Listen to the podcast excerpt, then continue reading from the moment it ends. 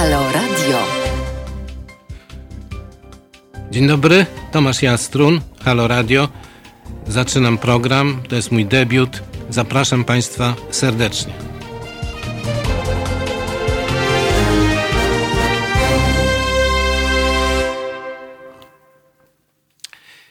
Mamy dzisiaj niezwykłego gościa. To mój kolega. Fajnie jest mieć takiego kolegę. E, Tomek Kozłowski, psycholog. No ale żeby tylko psycholog. Tomek jest taki psycholog latający, e, psycholog sportowiec, alpinista, grotołaz, skoczek spadochronowy przede wszystkim. Wykonał tych skoków tysiące, to o tym powie. No, a żeby już tak od razu wszystko wyjaśnić, szykuje się do skoku, no, praktycznie z kosmosu. To ma być rekord świata w skoku ze spadochronem. Yy, No i o tym trochę będziemy mówić, ale yy, zanim prze, przejdziemy do, do tych wysokich sfer, yy, powiem, że będziemy dzisiaj mówić nie tylko o skokach spadochronowych, o, o, o sportach ekstremalnych. Będziemy też mówić nawet z Tomkiem o innych rzeczach, bo Tomek jest przecież psychologiem przede wszystkim i obserwuje świat, obserwuje ludzi i naprawdę jest o czym z nim rozmawiać. W drugiej części programu będziemy dzwonić do Waldka Kuczyńskiego. Kuczyński to jest wielka figura, bo może niektórzy z Państwa go znają, wybitny ekonomista, działacz opozycyjny od lat 60., już wtedy siedział w więzieniu. Taka postać właściwie wspaniała i heroiczna, potem, potem był w Stoczni Gdańskiej ekspertem, potem siedział internowany, potem znowu działalność. No, ale taki człowiek wielkiej klasy, wszystkim wielkiej wiedzy jako ekonomista, człowiek niezwykle odważny, zacięty w dobrym sensie tego słowa, człowiek walki. Mi się wydaje, że znowu nas czeka czas walki, więc tacy ludzie będą nam bardzo potrzebni. Świetnie mówi świetnie myśli, więc dobry gość. W, w, w ostatniej części programu porozmawiamy trochę o o seksie. To nie jest wcale taka wrzutka tematyczna, ten seks moja. To prezes wrzucił seks. Prezes w ostatniej swojej wypowiedzi zajął się seksem jako nieszczęściem, które spotyka świat, a Polskę w szczególności. No i musimy się dopytać od fachowców i też sami ze sobą porozmawiać, czy to jest rzeczywiście takie nieszczęście, ten seks, bo seks jakoś poprzez to LGBT i te wszystkie rzeczy, te sprawy obyczajowe właściwie jakoś zdominowały naszą debatę, tak jakbyśmy nie mieli innych, o wiele bardziej ważnych, poważnych, dramatycznych nawet spraw na głowie. Tomku, powiedz od czego to się zaczęło, te twoje skakanie. Ja, ja przyznaję się, że nie jestem obiektywny, bo ja mam lęk przestrzeni. Ja ogromnie szanuję tych, którzy skaczą ze spadochronu, jeszcze z takich wy, wy, wysokości. To już pewnie w dzieciństwie ci to chodziło po głowie, żeby skakać. Tak, rzeczywiście. Ja e, przede wszystkim chciałem Ci bardzo podziękować za to, że, e, że jestem pierwszym Twoim gościem, bo, bo jesteś jedną z niewielu osób, które tak bardzo cenię i jedną z niewielu osób, e, mm, co do znajomości, z którą się chwalę i cieszę. No, I to bardziej dla mnie jest znaczące niż, niż wszystkie skoki, które wykonałem. A a moja, moje marzenia się zaczęły w wieku 6 lat. Ja miałem, jako sześciolatek miałem dwa takie marzenia. Zobaczyłem w Bolesławcu komandosów skaczących ze spadochronem.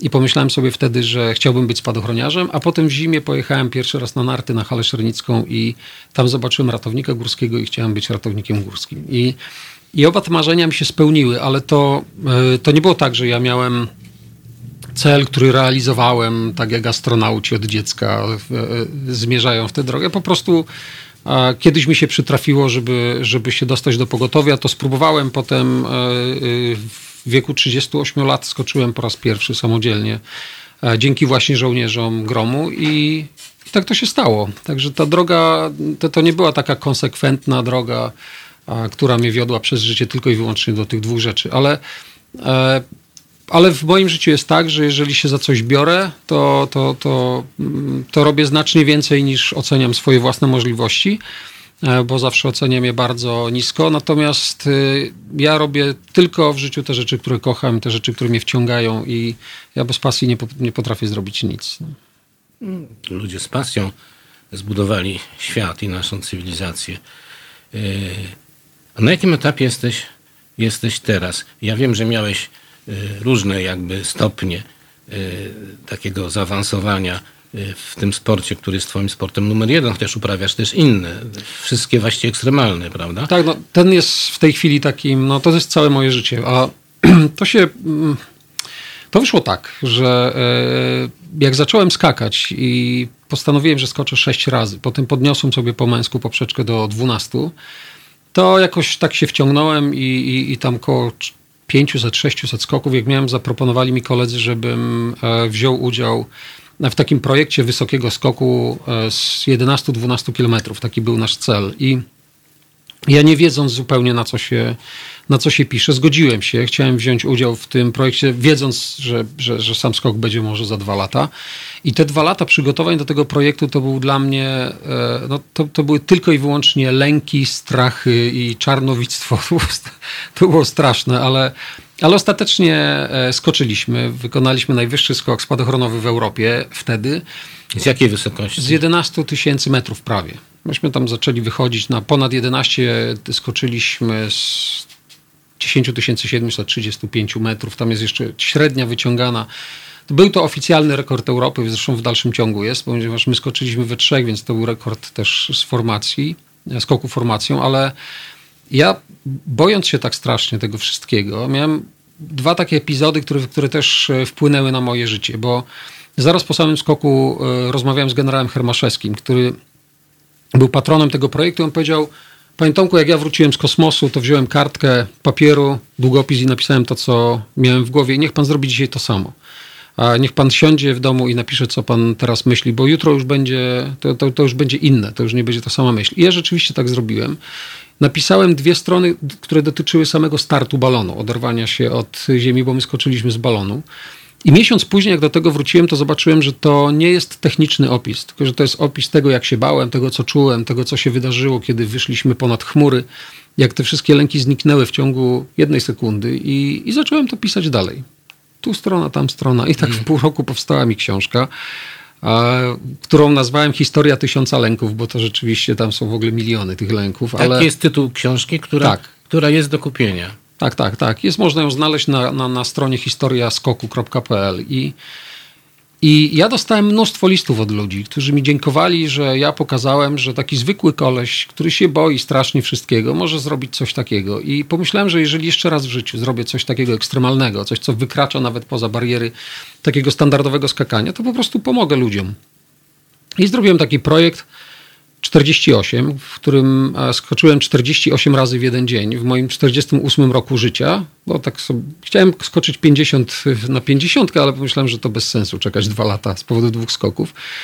I każdy z tych skoków zadedykowałem chorej osobie. Z guzem mózgu, połamanym kręgosłupem, z, no, co złego ten świat przyniósł tylko. I zebrałem na tych ludzi 200 tysięcy złotych na, na pomoc tym ludziom. I, no i potem poszedłem dalej, bo właściwie jak dzwoniłem do generała Hermaszowskiego wtedy w trakcie zbierania tych pieniędzy jeszcze przed skokami, poprosiłem go o, o patronat, to mówi, panie Tomku, za rok będzie stulecie niepodległości, a tym samym stulecie lotnictwa, to niech pan skoczy 100 razy. Nie? Ja powiedziałem, że nie mogę, bo już zacząłem zbierać pieniądze na tych ludzi. Ale po tym projekcie zadzwoniłem do niego i mówię, panie generale, podejmuję rękawice. Spróbuję skoczyć te 100 razy. Ale, ale zaraz Tomek wyjaśni. To Przecież to musi za każdym razem skoczyć, wsiąść do samolotu, znowu wystartować, znowu tak. skoczyć. Przecież mhm. to jest y, dosyć czasochłonne. Mhm. To, mi, tak, mi wychodziło wtedy 8-9 minut na skok. E, skakałem z tysiąca metrów. E, było tam dość dużo ludzi, którzy mnie obsługiwali. Samolot latał góra-dół. Robiliśmy tam przerwy. E, to nie było takie systematyczne, bo my bardziej ocenialiśmy moje zdolności, moje możliwości i moje samopoczucie. Ja zresztą bardzo dużo postawiłem wtedy na siłę fizyczną. Co nie było najlepszym rozwiązaniem, było skutecznym rozwiązaniem, ale dopiero w kolejnym projekcie postawiłem na logistykę przede wszystkim i na głowę, bo, bo przez całą zimę siedziałem i analizowałem, jak to wszystko wyglądało, jakie były czasy, jakie wyjścia z samolotu, kiedy wyskakiwałem, na jakiej wysokości się otwierałem, no to po prostu przesiedziałem przy Excelu. Ale jak wtedy zadzwoniłem do generała i mówię, że to zrobię, to, to, to, to generał Hermaszewski mówi, ja żartowałem. Nie, nie, nie, nie, to nie tak. Mówię, ale ja to spróbuję zrobić. I, i skoczyłem te 100 razy. I to, i to, to niezwykłe, bo mi wtedy wyszło 5 minut 15 sekund na skok czyli o wiele mniej. A zyskałem to analizując właśnie statystyki. Oglądałem filmy, jak zakładałem spadochron, jak wchodziłem do samolotu. No, każdy szczegół przeanalizowałem i zyskałem dzięki temu 3 minuty na jednym skoku razy 100. To jest 300 minut, to jest bardzo dużo. I, e, i zebrałem 5 tysięcy, 555 tysięcy złotych na wózki inwalidzkie dla dzieci, bo postanowiłem, że, że że to będzie projekt poświęcony dzieciom, które potrzebują wymiany takiego bardzo skomplikowanego wózka inwalidzkiego, który jest szyty na miarę na takie dziecko. I, i setkę takich dzieci znalazłem w wieku od 4 do 7 lat. No i, i zrobiliśmy to. Ale to była praca zespołu ogromnego. No, tam w ciągu tego dnia było 38 osób, które na to pracowały, które były do tego przygotowywane i no, takiego czegoś nie da się zrobić firmą. To trzeba zrobić ludźmi, którzy to kochają i, i, i wierzą w ten cel. Mm, fajnie. Y, powiedz y, tak trochę od innej strony, y, takiej psychologicznej. Co jest właściwie najtrudniejsze w skoku, jeżeli wykonuje go ktoś mm, po raz pierwszy? Mhm. Już nie mówię o kimś, kto, kto, się, kto ma lęk przestrzeni, bo to jest chyba wtedy niewykonalne. Miałeś takich, bo ty też jesteś instruktor, miałeś takich skaczących z lękiem przestrzeni, którzy próbowali e, ten lęk właśnie w ten sposób e, pokonać, bo to jest lęk paraliżujący w takiej sytuacji. Tak, ja też w ogóle namawiam ludzi, którzy, wiele osób namówiłem, bo ja, ja mam najwięcej osób z ludźmi, jak skakałem jako kamerzysta, czyli filmowałem tych ludzi, którzy skaczą w tandemie, bo teraz sam się przygotowuję do takich skoków i będę skakał z ludźmi, ale to jest przede wszystkim pod projekt ten duży, więc zaraz o tym opowiem, ale ja zauważyłem, że osoby, które bardzo się boją, są sparaliżowane właśnie lękiem, odnoszą z tego najwięcej, wyciągają coś z tego, bo człowiek, który się nie boi, który robi coś takiego, to no nic na tym nie zyska. I jeżeli spojrzeć z psychologicznego punktu widzenia i tak jak zostało to zbadane, bo dokładnie zostały zbadane lęki ludzi, którzy skaczą jako po raz pierwszy, albo tych, którzy mają, e, mają już doświadczenie, to to się różni, dlatego że osoba, która skacze pierwszy raz, czy są to jej pierwsze skoki, czy początki w sporcie, najbardziej boi się na górze. E, nie boi się na dole, jak wsiada do samolotu, to, to wszystko jest ok, natomiast jak leci, to im jest wyżej, tym jest gorzej. Natomiast u osób doświadczonych jest odwrotnie. Im są wyżej, tym jest, e, tym jest lepiej. Ja na przykład boję się przez pierwsze 500 metrów, dlatego że wtedy nie mam żadnej, nie mam wpływu na to, co się dzieje. Jesteśmy przypięci pasami. Jeżeli cokolwiek się wydarzy z samolotem, to tylko pilot ma to w rękach, nikt więcej. Nasza, nasze zadanie jest takie, żeby dobrze się spiąć pasami i w razie przemieszczenia ładunku, czyli nas samych, e, pilot to wszystko utrzyma. Natomiast e, jak się otwierają drzwi na górze, to ja już jestem w domu. Także to, to nie jest tak, że że, że dopiero jak wyląduje, to to wszystko, wszystko jest super. Nie, to wtedy jak się otwierają drzwi i to chłodne powietrze wypełnia samolot, to, to, to jest dopiero ten, wchodzimy na ten potężny plac zabaw w 3D. No tak, ale e, nie ciebie, a przeciętnego człowieka ogarnia wtedy nieprawdopodobna groza, bo to mhm. jest taka groza, poparta instynktem samozachowawczym, bo to jest tak, jakbyś skakał w, bez niczego w pustkę. No niby wiesz, że masz ten yy, spadochron, czy on się otworzy.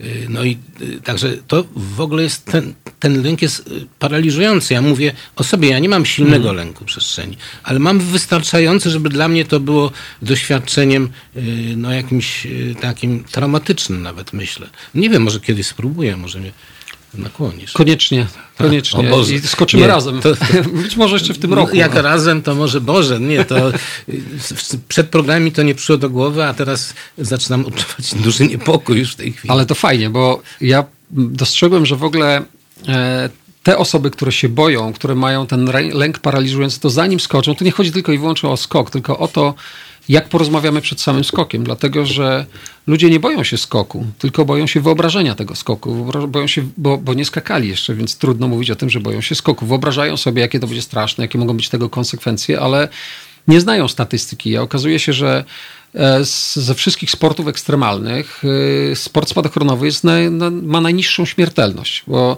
najwyższą śmiertelność ma himalaizm zimowy, tam jest chyba 1 do 60.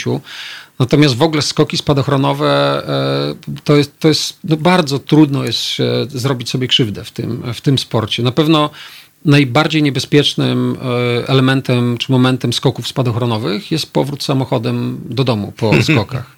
Wtedy jesteśmy zmęczeni, nabuzowani też często i, i wtedy można popełnić błąd, ale same skoki poza tym, jak my mamy do tego, jakie my mamy podejście do tego jako, jako jednostka, to jako człowiek, to jest, to jest inna rzecz, bo My mamy też, tam są bardzo ścisłe y, reguły i, y, i wytyczne. Nie da się wejść do samolotu bez przygotowanego spadochronu, bez licencji, bez odpowiedniego kursu. Po prostu tego się nie da zrobić, dlatego że system tego nie przepuści. Tomek, to ty mnie rzeczywiście weźmiesz i, i no? skoczysz ze mną. Tak. I już teraz czuję, że muszę dojść do siebie. W związku z tym zrobimy y, przerwę na Y, na muzykę, a w drugiej części porozmawiamy y, no, o tym, co, y, co zaplanowałeś, no, co, co jest rzeczą niezwykłą naprawdę. Także warto tego posłuchać. Wracamy za chwilę. Dziękuję. Słuchajcie powtórki programu.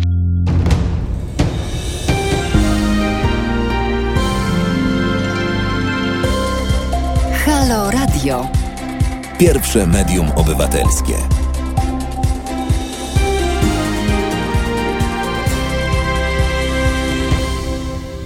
Halo Radio, e, Tomasz Jastrun. E, przypominam, aby wpłacać na nasze radio jakieś choćby symboliczne e, pieniądze. Żyjemy z tego, co nam dadzą, a jesteśmy taką wysepką teraz wolną w tym okresie smuty i te wysepki wolne, liberalne muszą się jakoś utrzymać, żebyśmy przeszli przez ten trudny czas. Także bardzo proszę jakieś wsparcie serdecznie. A teraz przechodzimy do programu. Tomek Kozłowski, skoczek spadochronowy, psycholog bardzo dobry, e, człowiek przestronny po prostu. E, I żeśmy omówili takie zwykłe skoki spadochronowe, zwykłe, niezwykłe, bo też było 100 za jednym zamachem. E, ale teraz chciałbym, mm, abyś opowiedział o tym projekcie, który masz przed sobą, no, który jest nietuzinkowym projektem, jest projektem Ktoś mógłby powiedzieć szalonym, a ktoś inny powiedzieć projektem heroicznym. Powiedz o tym. O, ja nie wiem, czy ja bym się wziął za nieszalony projekt, bo, bo zwykłe są chyba nudne. Ale ten, ten mój projekt to nie jest w sumie nic nowego. Ja tylko połączyłem e, niektóre układanki, bo w 2012 roku Felix Baumgartner skoczył z 39 km. Cały świat oglądał ten, e, ten skok. Była transmisja i była sprzedaż zresztą tej tra transmisji. E, media płaciły za to, żeby to transmitować i, no i firma zarobiła duże pieniądze.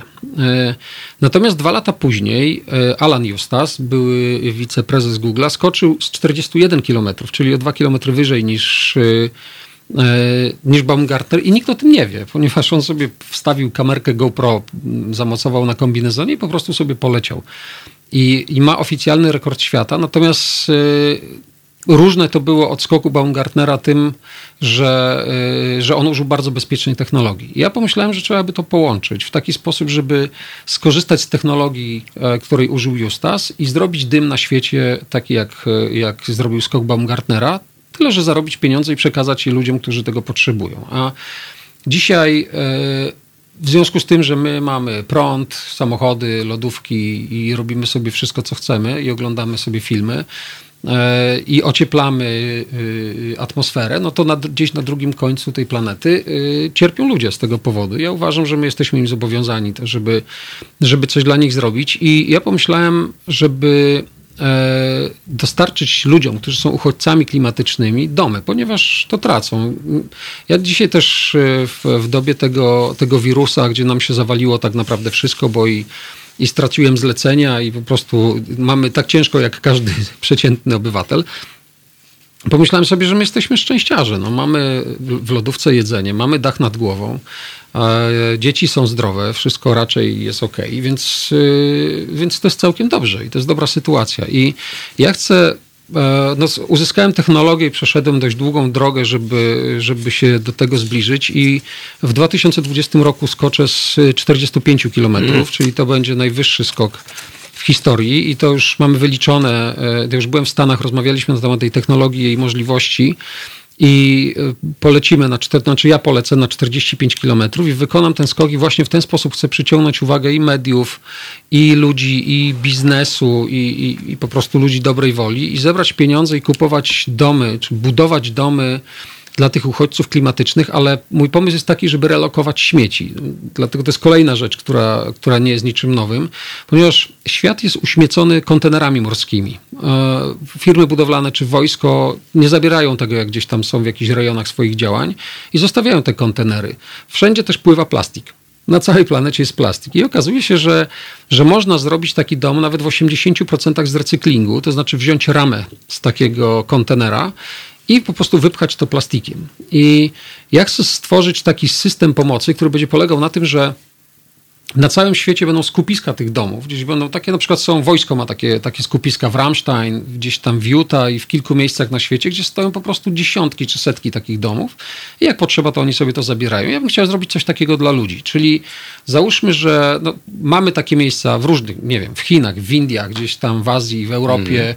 gdzie tylko jest to potrzebne. Oczywiście domy będą tak zbudowane, jak, jakie są zapotrzebowania, jeżeli chodzi o klimat, i jeżeli coś takiego nastąpi, że ludziom zmiecie wioskę, to żeby można było dostarczyć w ciągu powiedzmy 24 godzin te domy tym ludziom. I ja o to poprosiłem ONZ i rozmawiam z ONZ-em na temat tego, żeby pieniądze, które zbiorę przy, przy pomocy kampanii na całym świecie, żeby te pieniądze zebrać i właśnie wpłacić do ONZ-u i utworzyć tam jakieś subkonto czy jakąś komórkę, która będzie się tym zajmować, dlatego że ONZ wie, gdzie oni są, wie komu trzeba pomóc i ma też logistykę i, e, i sprzęt do tego, żeby to przewozić. I tak naprawdę mhm. trzeba tylko im dać te pieniądze i to jest wszystko. No to bardzo, bardzo piękna e, idea bardzo wzruszająca. Natomiast chciałem Cię spytać, trochę zmieniając temat, te 40 tam ileś kilometrów y, tam na górze, to co tam jest?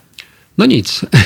tam już nie ma nic. To, to, już nie jest stratosfera, prawda? To jest końcówka stratosfery. Stratosfera jest chyba do 50, potem jest jonosfera, ale to są ostatnie kilometry, gdzie można się dostać balonem, ponieważ ja polecę balonem na Hel. On się będzie rozszerzał. Hel się rozszerza e, przy spadku ciśnienia i on na ten balon na górze, na tych 45 kilometrach będzie miał mniej więcej taką kubaturę jak stadion Wembley. Także on będzie widoczny nawet ze stacji kosmicznej. Zresztą ja miałem takie ciekawe przeżycie w Stanach, jak tam rozmawiałem na temat tego, jakbym chciał, żeby, żeby to wyglądało, bo moim założeniem jest budowanie ruchów społecznych na całym, na całym świecie i ja będę chciał, będąc tam na górze, bo się okazało, że będę miał pół godziny czasu, żeby sobie tam powisieć, zobaczyć Ziemię z perspektywy planety, bo też ta perspektywa jest dla mnie niezwykle istotna i pomyślałem sobie, że warto było coś do ludzi powiedzieć, no bo będzie transmisja na, na cały świat. Ja mam na przykład Polsko-Japońska Akademia Technik Komputerowych robi całą wizualizację tego w 3D. Ja będę miał 8 kamer na kombinezonie, więc będzie można do, dokładnie to wszystko oglądać. Bo powiedz, żeby nie skakał y, w kombinezonie kosmicznym, tak? Tak, będę skakał w kombinezonie kosmicznym, który będzie ważył 150 kg. Ja się teraz będę przez całe te dwa lata przygotowywał do tego, żeby sobie radzić z lądowaniem w tym i, i, i obsługą tego, no bo to jest, to jest statek kosmiczny, trzeba się nauczyć obsługiwać to. I, ale pomyślałem sobie, że jak będę tam na górze i połączę wszystkich ludzi na świecie w jakąś, nie wiem, powiem coś tam do nich, jakoś im podziękuję, czy nie wiem, podsumuję to, to jeżeli symbolicznie łączymy tych ludzi, to mi zabraknie te pięć osób, które są na stacji kosmicznej. No i zapytałem tak, z głupia Frant, czy jest taka możliwość, żeby, żeby z nimi porozmawiać. I ten e, Grant Anderson, który jest właścicielem tej technologii, e, on mówi, że może być trudno, dlatego że oni oblatują Ziemię w 92 minuty.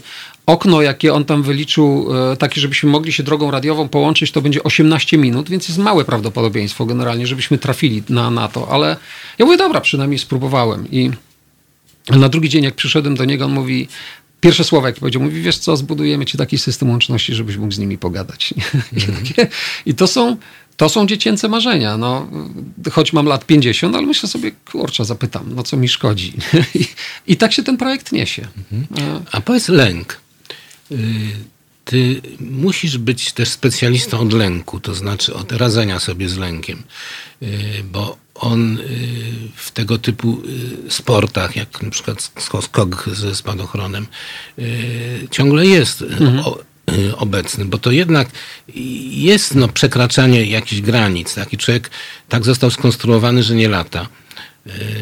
Tak się nie boi latać, człowiek jednak się trochę boi latać. Oczywiście można się z tym oswoić, y, ale w tym przypadku to ten element lęku musi być silniejszy, dlatego że to jednak jest ryzyko. Mhm. Ja nie wiem, na ile ty wyceniasz ryzyko. To trudno jest w przypadku czegoś, co jest takie nowatorskie, nowe, wycenić ryzyko. Ale ono wydaje się niemałe jednak. Ja tego nie wiem, ale pamiętam e, też, będąc tam w Stanach, że e, rozmawialiśmy na temat procedur bezpieczeństwa, na temat człowieka, który tam zarządza etapami i może w każdej chwili wszystko, e, wszystko przerwać. Nawet gdyby były dwie minuty do startu, on powie nie i koniec. Cała operacja po prostu się wysypuje, bo to jest jego robota i on odpowiada tylko i wyłącznie za bezpieczeństwo. I ja, ja powiedziałem wtedy, że to jest super, że, że, że takie coś, że tak jest, ale ten grant wtedy powiedział, mówi, nasza praca polega na tym, żebyśmy my ciebie bezpiecznie sprowadzili na ziemię. I to są ludzie, którzy pracują z NASA i nie ma już wyższej półki na świecie, więc y, ja wiem, kiedy się boję. Y, ja się w ogóle boję też przy każdym skoku, zawsze to odczuwam. Jest to też taki lęk trochę stymulujący, bo, bo, bo, bo to, to mnie też napędza. Ale ja się przez te moje projekty, przez te ostatnie 7 lat, ja się nauczyłem, że żeby sobie poradzić z lękiem, nie, to, to, to, nie jest droga do tego, żeby się go pozbyć, tylko żeby się nauczyć z nim żyć. I ja się tego nauczyłem. Ja wiem, że dzisiaj mnie ludzie pytają, czy ja się boję tego, że będę skakał z takiej wysokości, że miał prędkość 1700 na godzinę, a potem tam zacznę wchodzić. A co, a co starciem? E, ten, ten prędkość, Zapalisz którą... się przecież. to ja się palę do tego projektu, ale ja będę miał tę prędkość zaraz po oderwaniu się od balonu, czyli tam, gdzie no prawie próżnia, tam są szczątkowe ilości powietrza, no właściwie nic nie ma, więc e, to będzie powodowało, że ja będę miał taką prędkość, a potem jak już będzie powietrze coraz bardziej gęste, to ja będę zwalniał i ostatecznie zwolnię tam do 240 km na godzinę. Taką będę miał przy otwarciu, ale ja będę skakał na dużym tandemowym spadochronie, właśnie takim, gdzie się skacze z ludźmi. Dlatego właśnie robię, teraz przygotowuję się do skakania z takim, e, na takim spadochronie, ponieważ ja będę do, robił dużo takich skoków symulacyjnych z bardzo dużym zbiornikiem, który będzie symulował właśnie ten cały system tlenowy, który ja będę miał zawieszony na klatce, ponieważ trudność e, i w tym ciężarze, i, nie, i niewygoda związana z tym kombinezonem jest taka, że będzie wysoko zawieszony środek ciężkości, więc lekki przechył przy lądowaniu może mnie po prostu przewrócić, ale to są... A kiedy otworzysz spadochron? Na około, około 3000 metrów. Standardowo w takim normalnym skoku otwieram na 1000. Jak skakałem ten projekt 100, to otwierałem na 800 metrach. Nie, nawet niżej, bo ja z 800 skakałem, ale... E, no wyliczyliśmy, że to jest taka bezpieczna y, wysokość, żeby mieć bardzo, bardzo dużo czasu, żeby poradzić sobie w sytuacji, gdyby ten spadochron się nie otworzył, albo, albo nie wiem, cokolwiek by się zadziało. Tak czy inaczej, oczywiście w zestawie jest jeszcze automat, który automatycznie po przekroczeniu pewnej granicy E, ciśnienia, mierząc dynamikę te, te, tej zmiany, jeżeli to wykryje, że jestem za nisko, to, to automatycznie otworzy spadochron zapasowy. A jak z utrzymaniem równowagi? No bo wiadomo, że przy skoku trzeba lecieć płasko, mhm. E, że nie wolno wpadać w korkociąg, bo to jest śmiertelnie e, niebezpieczne. Czy, czy jak będziesz w próżni, to jak ci to nie, nie grozi? Właśnie to jest to stanowi o tym, że ta technologia e, jest bezpieczna. Właśnie odpowiedź na, na, na pytanie, które zadałeś, dlatego że Baumgartner skoczył bez stabilizatora, to znaczy spadochron e, tandemowy ma taki stabilizator na takiej pięciometrowej taśmie, jest mały spadochronik który powoduje, że ostatecznie jaka by nie była konfiguracja, jeżeli go wyrzucisz, to lecisz właśnie płasko, czyli brzuchem do dołu, a ten spadochronik jest nad tobą. I potem proces otwarcia spadochronu wygląda tak, że się po prostu uwalnia ten, ten spadochronik, który jest na górze i on wyciąga czaszę główną. I Baumgartner skacząc bez tego stabilizatora, ponieważ jemu bardzo zależało na, na pokonaniu, na, na, na, na rekordzie prędkości, e, Zresztą on miał 1,12 macha, czy 1.12, Mach 1.12, y, Justas miał 1.22, ja będę miał 1.44. Justas miał stabilizator, ja też będę miał stabilizator, więc to nie trzeba e, e, tak ryzykować. I on bez tego stabilizatora wpadł właśnie w te obroty. I to, to spowodowało taką konsekwencję, e, czy tak, taką, taką, taką kaskadę trudności, ponieważ jak on wpadł w te obroty, to skoczyło mu ciśnienie, no bo się bał, to normalne. A że chciał, żeby była widoczna jego twarz, to, to miał e, tę twarz zakrytą taką, takim pięknym miał e, hełm e, kosmiczny, ale jak wpadł w obroty i, i, i, i, skoczyło mu ciśnienie, a tym samym szybko oddychał, to zaparował sobie maskę. Zaparował sobie ten okular i on ledwo wylądował, bo miał zaparo, zaparowany ten okular, a ten właśnie, ten zespół Grant Andersona przeanalizował te wszystkie rzeczy i oni zrobili tak, że jest po prostu wewnątrz tego hełmu e, będę miał maskę. Czyli bez względu na to, jaka będzie, czy, czy mi to ciśnienie skoczy, czy nie, to nie zaparuje tego okularu, to raz. A dwa, ten stabilizator e, będzie od samego początku. Ja go nie będę musiał wyrzucać, dlatego że stabilizator się wyrzuca przy standardowym skoku, a on się sam rozwinie. I w momencie, kiedy ja się oderwę, to on będzie usztywniony nade mną i, e, i już. I po prostu jak wejdę w atmosferę w taki sposób, że to mnie będzie tam stabilizować, to on już będzie nade mną. Więc tak czy inaczej mnie to ułoży. I hmm E, to jest świetne rozwiązanie, bardzo proste. To, oni po prostu to tak prosto to zrobili, że aż jak się na to patrzy, to aż dziwne, że człowiek na to nie mhm. wpadł. Natomiast te pierwsze 20-30 sekund ja będę miał poczucie nieważkości, dlatego że będę się unosił w kombinezonie, więc to jest e, gdzieś tam no, kosmos zobaczę na własne oczy. Przetrenujesz wcześniej w jakiejś kabinie stan nieważkości? Nie, tego nie, tego nie, tego się nie da. Będę trenował, będę miał dużo skoków w tym kombinezonie z samolotu, ponieważ mhm Trudność polega na tym, no, że raz, jest to ogromna bryła, jest. Yy, to, to, to, to, spadanie nie będzie stabilne. Będzie Ile to waży mocno, taki 150 kg. Mhm. Będzie mnie dość mocno kołysać, ale e, skoczek spadochronowy jak spada, to stabilizuje swoją pozycję rękoma i nogami. Czyli ma wyciągnięte do przodu ręce i, i, i, wyprostowane nogi, w zależności od tego, jak sobie to tam wygina, to, to tak można lecieć. Natomiast ja będę musiał mieć ręce na klatce piersiowej. Tam są takie uchwyty i będę musiał się tego trzymać, bo, no bo nie ma sensu z tak dużą prędkością tych rąk narażać. Poza tym to jest dość duży wysiłek, e, opieranie się temu powietrzu, ale właśnie jednym z elementów bardzo istotnych do przepracowania w głowie jest to, żebym nauczył się latać bez rąk, czy spadać. No my mówimy latać, więc to jest też taka rzecz, którą, którą ja szykuję sobie na przyszły sezon. W tym sezonie zdobywam wszystkie uprawnienia, uczę się skakać na dużym sprzęcie, tak jak na przykład już dzisiaj jadę, jutro mam, mam skoki właśnie na takim spadochronie przygotowujące mnie do bezpiecznego takiego lądowania. Właściwie zaczynam taki kurs lądowania od podstaw. Mhm. I, yy, a cały przyszły rok e, będę skakał właśnie z tymi zasobnikami, z trudnymi takimi bagażami. A dopiero potem jadę e, w 2022 już od początku jadę na 8 miesięcy na treningi do Stanów. Tomku, zrobimy małą przerwę Jasne. na muzykę, żeby nasi słuchacze e, doszli do siebie, bo to było mocne, co mówisz. Jeszcze chciałem przypomnieć, że numer naszego Radia 22 39 059 22. 22 39 059 22. Spotykamy się za chwilę. To jest powtórka programu.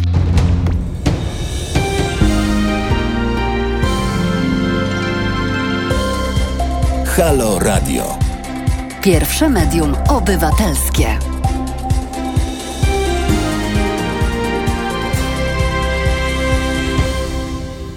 Halo Radio, Tomasz Jastrun. Moim gościem jest Tomek Kozłowski. Rozmawiamy o strasznie groźnych rzeczach dla mnie, bo mam lęk przestrzeni, skokach y, ze spadochronu, y, ale też takich skokach z kosmosu prawie, y, bo Tomek się szykuje do takiego skoku. Tomku, chciałem się dowiedzieć, kto za to płaci? E, za to płacą ludzie dobrej woli. Na przykład fakt, że e, do końca roku na świecie projekt będzie znany, to, jest, e, no to są bardzo duże pieniądze i wspieramy w tym Fundacja Phoenix. To jest taka fundacja, która ma dokładnie taki sam pomysł na, na, na pomaganie ludziom jak ja, tylko że oni pomagają przez sport młodym ludziom, przez triatlon, przez inne dziedziny. Robią takie fantastyczne rzeczy i po prostu jest inwestor, który dał na to pieniądze i to nie są absolutnie żadne podmioty związane z biznesem czy sprzedażą jakichś tam wiem, rzeczy reklamowych, tylko po prostu ludzie dochodzą niektórzy do takiego momentu, że mówią, dobra, to warto się z tymi pieniędzmi podzielić. Natomiast jeżeli chodzi o o finansowanie samego projektu, to też są to fundusze inwestycyjne, którym zależy na tym, żeby planeta była czysta i to są to są, oni, oni pompują ogromne pieniądze w edukację, a mój projekt nie jest projektem spadochronowym, choć chodzi o skok, ale skok jest tylko drobnym narzędziem do tego, żeby zwrócić uwagę ludzi na to, co się na tej, na tej planecie dzieje. I e, on się nazywa Jump for the Planet. E, właśnie gdyby ktoś chciał wesprzeć, to, to wystarczy wejść na stronę jumpfortheplanet.com i tam są wszystkie informacje. To wszystko jest bardzo dobrze opisane. Natomiast ja mam dwa cele w tym, e, w tym projekcie i one się wyłaniają. Ten drugi cel, ważniejszy, wyłonił się, ja go nie rozumiałem do końca, bo, bo też nie zdawałem sobie sprawy z tego, jaki potencjał może być w tym projekcie. Bo my możemy, poza tym, że możemy pomóc naprawdę setkom tysięcy ludzi, możemy, czy będziemy w ten sposób edukować młodych ludzi i budować postawę proekologiczną, ale nie chodzi o to, żeby. Chodzi mi o to, żeby ci ludzie to rozumieli. Jeżeli ktoś będzie chciał wpłacić dolara, euro czy złotówkę na ten projekt, to on się przyjrzy, dlaczego tak jest, dlaczego my to chcemy zrobić. I ja mam też taki pomysł na to, żeby tę, drogę, którą, w której ludzie będą oglądać to, jak ja to będę robił, jak się przygotowuję, będą chcieli na przykład to oglądać w 3D czy, czy w wirtualnej rzeczywistości, będą musieli przejść yy, taką, zrobimy takie gry miejskie, będziemy kody QR wieszać w różnych miastach na świecie.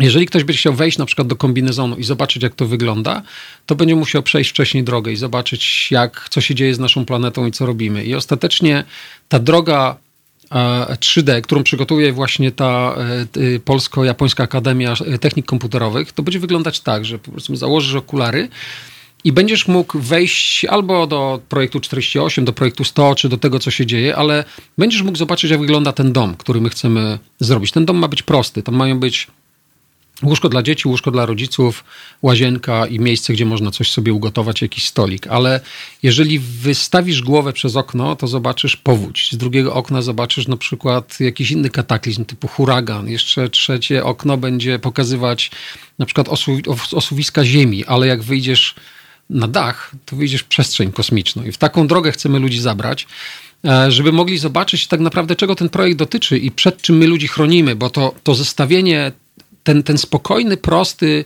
jasny dom z tym, co się dzieje za oknem, to naprawdę ma pokazać, jak jest. No my narzekamy, że jest ciepło, albo ludzie potrafią powiedzieć trauma w sytuacji, jak stoją 15 minut dłużej w korku, ale to, to, to nie jest tak. Jeżeli my sobie wyobrazimy małe dziecko, nasze dziecko, które zgubi się w centrum handlowym, to po prostu no, to, to świat się wali. A teraz proszę sobie wyobrazić swoje własne dziecko, pięcioletnie na przykład, które idzie po pustyni i ma przed sobą jeszcze 300 kilometrów i nie ma wody na przykład. Jedynym jego marzeniem jest nie nowa zabawka, nie wyjście do multikina albo wyjście na plac zabaw, który jest zamknięty. Tak, Tomku, znaczy my w naszym programie zajmiemy się kiedyś e, tym kataklizmem, który nas czeka. Jest teraz świetna książka e, Koniec lodu o tym, która właściwie wieści katastrofę w taki sposób niehisteryczny, ale e, mhm. Pokazując fakty. Y, to już nie ma żartów, ale to jest jakby inny temat. Znaczy, to, co ty robisz, jakby ma z tym związek jakiś, także ciebie tak, też chętnie... potrzeba jeszcze paru godzin, żeby o tym opowiadać. Tak, no. ciebie też chętnie do tego programu zaproszę i takiego mojego znam, znajomego klimatologa. Y, natomiast y, powiedz mi jeszcze szybko, mm, jakie postacie stoją za tym twoim projektem, bo to osoby są ważne w takiej rzeczy. Tak, tak. Ja, to jest też taka bardzo ciekawa historia moja, bo jak ja wymyślałem te moje wszystkie dziwne rzeczy, to nikt to nigdy nie, poza Pauliną, e, moją No właśnie, trzeba żoną. powiedzieć, że Tomek ma e, żonę i ma dwójkę dzieci, więc można powiedzieć, że to ryzyko, które podejmuje jest potrójne. Tak, ja mam, my mamy 19-letniego syna i 4-letnią córkę, co jest dziwne z tą samą żoną, bo z 15-letnią przerwą między dziećmi, ale ja bez Pauliny nie zrobiłem absolutnie nic, bo ona ona zawsze mówi, tak, ty dasz radę i zawsze mnie podnosi. To nie chodzi o poklepanie po ramieniu. Ona naprawdę we mnie wierzy. I, i mój przyjaciel Bartek Węglarczyk, który, to są takie dwie osoby, które, Bartek, pamiętam w tym dniu, kiedy ja powiedziałem, że powiedziałem decyzję, dobra, ja to będę robił, to Bartek powiedział mi, masz 1% szans, ale jeżeli ktoś ma e, to zrobić, to, to, to ty, to tylko ty. I jak przyjechałem do domu i powiedziałem Paulinie, że, że ja to robię, to Paulina powiedziała, choć zawsze mnie wspiera, powiedziała, nie ma mowy, nie zrobisz tego i podpiszesz mi notarialnie, że tego nie będziesz robił. Ona jest radcą prawnym i ja mówię, Paulina, przecież ja nie mam nawet ułamka procenta szans na to, że to zrobię. A Paulina mówi, nie, nie, nie, jak ty postanowisz, to ty to zrobisz. I myślę, kurczę, to ja mam szansę. I to jest, e, i to jest właśnie to pokazuje, jak, jak wiara w człowieka może przenieść góry. I wszyscy się ze mnie śmiali. I ja pamiętam, że powiedziałem, kiedyś stałem z sąsiadami pod i mówię, to jest taki projekt, gdzie ja się naprawdę porywam na, na, na rzecz, która jest nie do zrobienia i, i, i jeżeli ktoś miałby być patronem takiego projektu, to tylko Lech Wałęsa. Człowiek, który po prostu się postawił systemowi i, e, i oni mnie wyśmiali. A trzy miesiące później byłem u Lecha Wałęsy w biurze i on e, się zgodził i jest patronem tego projektu. I to jest przełom w tym projekcie, ponieważ jak rozmawiam z ludźmi na świecie, naprawdę chyba na wszystkich kontynentach, czy z wszystkich kontynentów z ludźmi rozmawiałem, to to jak też miałem okazję się spotkać jeszcze przed wirusem, to ludzie otwierają szeroko oczy, naprawdę. To jest takie, my tak przysłowiowo mówimy, że komuś opada szczęka albo że robi wielkie gały, ale ja to widziałem naprawdę, jak ludzie po prostu, miałem taką sytuację, miałem list podpisany przez Lecha Wałęsę, który e, poprosiłem taką Amerykankę, żeby przekazała Alanowi Justasowi, bo ona się z nim zna i ona wzięła ten list, tak przytuliła do siebie i mówi, ja się boję, ja tego nie wezmę, bo, bo nie, nie mogę wziąć takiej odpowiedzialności, żeby, żeby to zgubić. I nie wzięła tego listu ostatecznie. Ja go zawiozłem do No Stanów. popatrz, a tutaj tyle wysiłku, żeby obrzydzić Wałęsę i y, zrobić z niego agenta i jakiegoś obrzydliwego człowieka, no i to się nie udaje w świecie. I nigdy się nie uda. I to się już nie uda, tak. Nie, to się nie uda. Tak, owszem, na swoim podwórku to mogą zrobić, ale to tylko i wyłącznie zostaje w, w, obszarze tego podwórka, dlatego że świat nie jest zainteresowany tym podwórkiem. Świat jest zainteresowany tym, co Lech Wałęsa zrobił dla świata, w tym jak, jak wdraża swoje pomysły i, i takie, tak naprawdę swojego ducha też e, w innych krajach i, i oni to widzą. on zrobił to, co ja w takim ferietonie, bo ja byłem w Stoczni Gdańskiej w sierpniu, e, zresztą też Waldek Kuczyński, który będzie mówił, też tam był i żeśmy się spotkali na sali BHP i ja potem napisałem taki reportaż pod tytułem Las Bir nam ruszył. To z Szekspira, tam jest ten las, prawda, ruszył. I to mi się tak skojarzyło, że to właściwie stało się niemożliwe. Las nie może iść, prawda, ale las poszedł. Stał się właściwie cud. Ja miałem wrażenie w stoczni, że ja biorę udział w cudzie. No i Wałęsa firmował y, ten cud. Ja go widziałem tam y, na bramie. Rzeczywiście tu taki y, rodzaj mm, y, niezwykłego zdarzenia, które, które się nie miało prawa zdarzyć, a się zdarzyło. Ale to, to jest jeszcze też inny temat. A powiedz, czy ty się spotkałeś z tym Austriakiem? Nie, nie, nie spotkałem się, nie miałem okazji.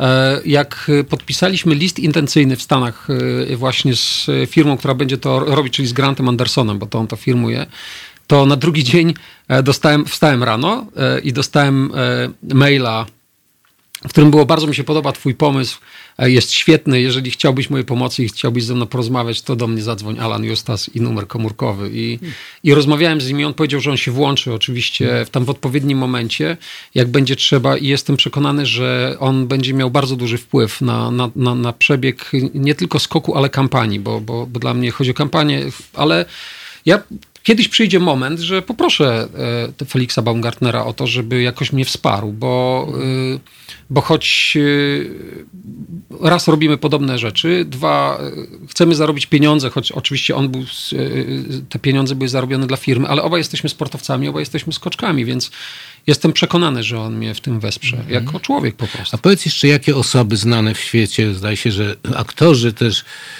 się zaangażowali. Tak, ja rozmawiałem z Richardem Girem. E, miałem mieć spotkanie z Leonardo DiCaprio, ale COVID to e, poprzestawiał. E, wiem, że o projekcie wie papież, e, dlatego że w projekt jest zaangażowana osoba, która bezpośrednio raportuje papieżowi co tydzień sytuację związaną z COVID-em.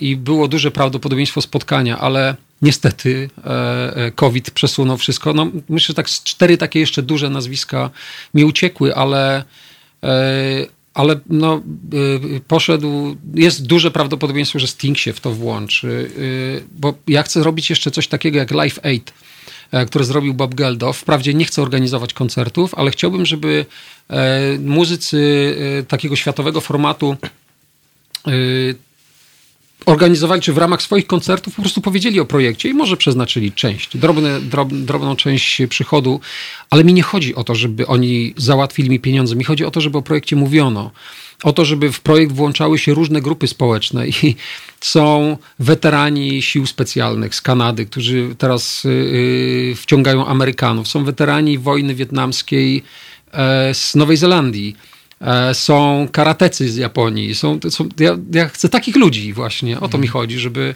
A wczoraj rozmawiałem z gościem, który ma zna światowe środowisko ludzi, którzy się zajmują winem. Nawet nie wiem, jak to się nazywa, taki człowiek, ale, ale o to właśnie chodzi, żeby bardzo różni ludzie się do tego przyłączali i to się w ten sposób przeniesie. No, napisał do mnie jakiś czas temu e, taki chłopak, który mówi, że on mnie bardzo dobrze rozumie, bo on też zrobił coś podobnego. On przebiegł Polskę dookoła i co 100 kilometrów toczył walkę bokserską i w ten sposób pomógł koledze. I on mówi, że on nie jest w stanie dać mi pieniędzy, ale napisał piosenkę. e, na, na temat projektu i zrobił, zrobił do tego teledysk własnym sumptem, kończy to w tej chwili i mam nadzieję, że będziemy mogli to tutaj na antenie pokazać, bo to jest naprawdę fajny utwór i on przede wszystkim ma wartość taką, że wypłynął z serca. Jest zrobiony właśnie po to, żeby wesprzeć projekt. I to jest siła tego projektu. To, jest, to będzie ruch oddolny. I o to właśnie chodzi, żeby to nie było... Kiedy myślisz, to się stanie? Ciężko ci teraz Nie, nie, nie, to jest, jest przewidywalne. Jest, y, tak, to będzie skoku? Tak. druga połowa 2022 roku. Pod warunkiem, jest jeden warunek, że COVID wypuści mnie do Stanów w styczniu, żebym mógł y, przymierz, robić pomiary do, do budowy kombinezonu. Dlatego, że budowa kombinezonu będzie trwała rok. Potem jest jakieś 7-8 miesięcy treningów już w Stanach, bo to skok będzie na pustyni e, w Nowym Meksyku i potem już się odbędzie skok. No, to musi być na pustyni, dlatego że ja będę miał około 300 km zniesienia od momentu startu. Także musi być do tego duża przestrzeń. Yy, tak, a powiedz, dlaczego w Stanach?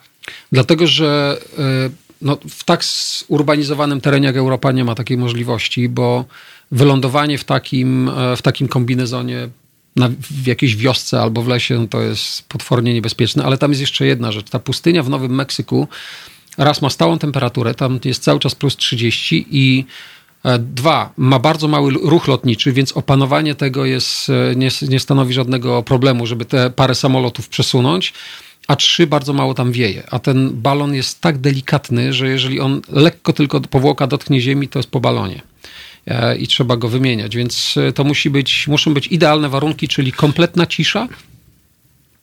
I jedziemy do góry i będzie 2,5 A jaka, jaka precyzja skoku? Jesteś w stanie w jakieś miejsce dokładnie nie, nie. strzelić, czy to będzie duży rozrzut? Tutaj? Bardzo duży. Między, no, zakładamy, że między 200 a 300 km będzie zniesienie w linii prostej.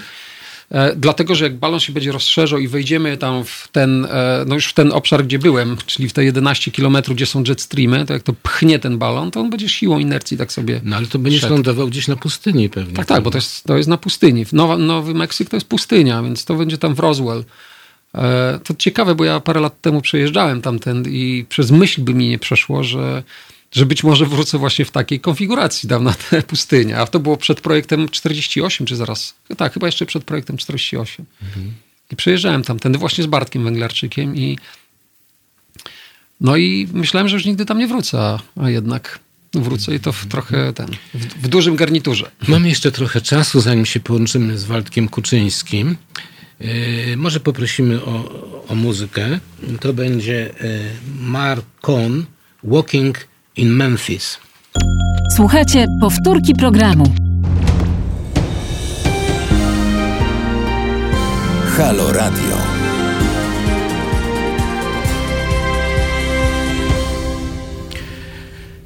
Tomasz Jastrun, moim gościem jest y, Tomek Kozłowski. Nasz numer telefonu 22 39 059 22. Proszę do nas dzwonić, proszę do nas wysyłać smsy. Yy, e-maile. Proszę Państwa, rozmawialiśmy o skokach spadochronowych, o skoku z kosmosu prawie. Tomek taki skok niedługo wykona za dwa lata, no ale co to jest dwa lata, to jest po prostu chwila, czyli za chwilę. Yy, a teraz ja, ja chciałem yy, z Tomkiem chwilę o, o tym jego zawodzie właściwie zasadniczym, bo jest psychologiem. Powiedz, co robisz jako psycholog? Wiesz co, w tej chwili, bo to jest. Yy, ja robię różne rzeczy, bo się zajmuję procesami grupowymi i pomagałem zespołom głównie w biznesie. Pracowałem też z różnymi zespołami ratowniczymi, ale ja miałem e, wiele lat temu. Był taki moment, że ja byłem jedynym psychologiem, ratownikiem górskim w Polsce, bo, e, no bo ratownictwo też od zawsze mnie pasjonowało. Ja spędziłem w pogotowiu górskim 17 lat i w momencie, kiedy były takie dwa wypadki, w których zginęli ratownicy rok po roku, to stwierdziliśmy, że interwencja kryzysowa jest niezwykle potrzebna, bo ratownicy to ludzie e, jak wszyscy inni i, i zaczęliśmy wdrażać e, pomoc psychologiczną po wydarzeniach traumatycznych właśnie, a są opracowane bardzo dobre metody i modele takiej pracy i to się jeszcze wtedy zbiegło z e, wydarzeniami w Nowym Jorku w World Trade Center, więc ta, ta interwencja kryzysowa wtedy się pokazała i i dzisiaj e, to, co, to, co robię w tej chwili, e, to, to zajmuję się głównie właśnie interwencją kryzysową, czyli pomagam e, po, no, w, w obliczu tego, czego ludzie doświadczają właśnie w związku z kryzysem pandemii, izolacją, niepewnością, która dzisiaj wkroczyła właściwie do każdego domu. Bo jak rozmawiam z ludźmi, to, to ludzie mówią, że jest albo bardzo źle, albo bardzo dobrze, dlatego że niektóre biznesy, nie wiem, produkcje masek albo, albo jakieś inne rzeczy, e, czy sklepy rowerowe, albo wypożyczalnie kamperów, no to funkcjonują świetnie, dlatego że, że nie, nie, niektóre drobne sekcje e, biznesu to podniosło, ale wzrasta przestępczość e, taka wewnątrzdomowa. Ta przemoc domowa jest straszna w tej chwili, bo ci oprawcy są zamknięci w domach. E, wzrasta liczba samobójstw. A nawet nie oprawcy, nawet do tej pory mm, cnotliwe y, rodziny też się zaczęły Tak. kłócić, bo y, nawet osoby y, dobrze skomponowane, i które są zamknięte na małej przestrzeni, to się tworzą konflikty. No to nie ma, to jest normalne, prawda? Tak, a to jest też bardzo taki wyraźny i surowy sprawdzian dla jakości związków, no bo ludzie nagle musieli zacząć być ze sobą, tak jak mówisz, i to jest... e, Bardzo wiele związków No. funkcjonuje y, dobrze czy nieźle, dlatego że się ludzie bardzo rzadko spotykają. Mhm. Jak są cały czas ze sobą, to, to jest coś nowego i szokującego, szczególnie, że już utracili, bo to trzeba mieć pewne narzędzia do tego, żeby być sobą, pewne techniki, Mhm. prawda? Oni już się u- utracili, bo nie musieli być ze sobą. Tak, 15 lat żyją w takiej rutynie, że jak to Urban kiedyś powiedział, praca, dom, wódka, praca, dom, wódka. A wracali do domu, spędzali godzinę z dzieckiem, szli spać, a dzisiaj trzeba z tym dzieckiem spędzić cały dzień, tak jak nasza Ania czteroletnia, która po prostu siedzi mi fizycznie na głowie cały czas. Ja piszę jakiegoś maila ważnego, a ona po prostu po mnie chodzi. Żebym przeprowadzić trudną rozmowę jakąś, no to muszę po prostu wyjść z domu, bo, bo ona jest w takim wieku, że, że jak widzi tylko, że się spuszcza z niej e, uwagę, no to po prostu o to walczy i to, to, to też jest wyzwaniem i też nie jest łatwo. Ja jestem też rozdarty między mną a mną. Między e, mną, który muszę, musi realizować siebie i robić swoje, a między mną, który, który, no, który szaleje za tą, za tą małą wariatką, a, a muszę ją po prostu na chwilę odstawić, no bo też musimy jakoś e, zarabiać pieniądze, bo nie jest łatwo i i to jest trudność, ja ją dostrzegam też. To nie jest zupełnie obce mi zjawisko, które ja znam z teorii. No, znam to z praktyki. I widzę, że jak rozmawiam z ludźmi, zwłaszcza w sytuacji kryzysu, kiedy no, no, na przykład teraz pomagałem w sytuacji y, śmierci w zakładzie pracy, bo to jest też taka praca, gdzie się pomaga właśnie, ktoś umrze w pracy, czy popełni samobójstwo w pracy, albo jest jakiś dramatyczny wypadek, no to tak, tak naprawdę wszystko wychodzi. Wszystko wychodzi na zewnątrz i ludzie mówią wtedy, że chcą zmienić pracę, że chcą, że mają tego dosyć, że nie mogą usiedzieć już w domu i że no, wszystko, wszystko wyłazi. Dzisiaj ja mam takie, to, to, taki obraz mi się rysuje w głowie, że człowiek jest jak poparzona skóra, jak taka poparzona skóra na słońcu. Jeżeli się de- delikatnie tego dotknie albo założy na to koszulę, to po prostu wszystko boli. Tak, Tomku, my zdaje się będziemy mieć, tak, połączenie. y, Też włóż y, słuchawki y, z Waldkiem Kuczyńskim, zaraz go przedstawimy. Y, Chwileczkę. Halo? Halo, halo. A, no, dzień dobry. Waldek Kuczyński, Waldemar Kuczyński. Tak? Tak, a, Witam. tak, oczywiście we To Tomasz Jastrun, cześć. Cześć. Waldku. Cześć Tomasz. Ja y, mam ogromną wiesz, y, radość, że, y, że mam ciebie w programie i w ogóle liczę na to, że, że to już tak będzie częściej, że będziesz komentował mm, różne wydarzenia. Czasami będziesz mówił o tym, co akurat w tym momencie ciebie dotyczy i, i y, obchodzi. Ja tylko chciałem kilka słów takiego wstępu, no, żeby słuchacze y, poznali, y, kim jesteś. A jesteś człowiekiem niezwykłym dla mnie. Masz piękną biografię zawodową, ale taką też opozycyjną. Już w latach 60., w 68 roku siedziałeś. Potem przez cały czas byłeś bardzo głęboko zaangażowany w działalność opozycyjną, często wcześniej niż inni. Yy, No, yy, no i tak dalej, i tak dalej. Ja zresztą mam takie, takie jedno wspomnienie z tobą. To tak wiesz, jest z pamięcią, że się pamięta jakieś scenki. Przeszło się pamięta przez scenki. Ja taką jedną scenkę genialnie pamiętam.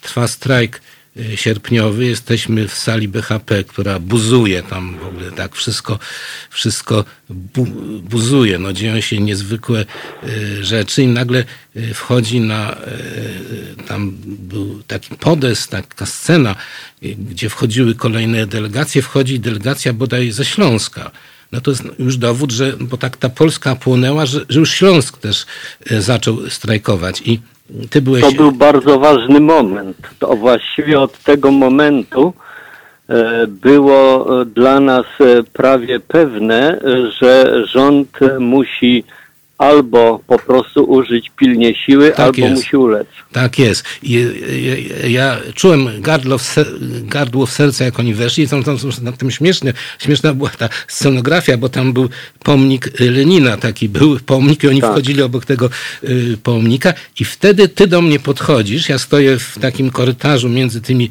siedzącymi ludźmi i mówisz, ty, kurwa, to jest rewolucja. Na co ja tak poczułem takie podniecenie, bo też tak czułem, że to jest rewolucja. Mówię, no to, to chyba dobrze. Mówi, tak, dobrze. Wejdą czołgi rosyjskie.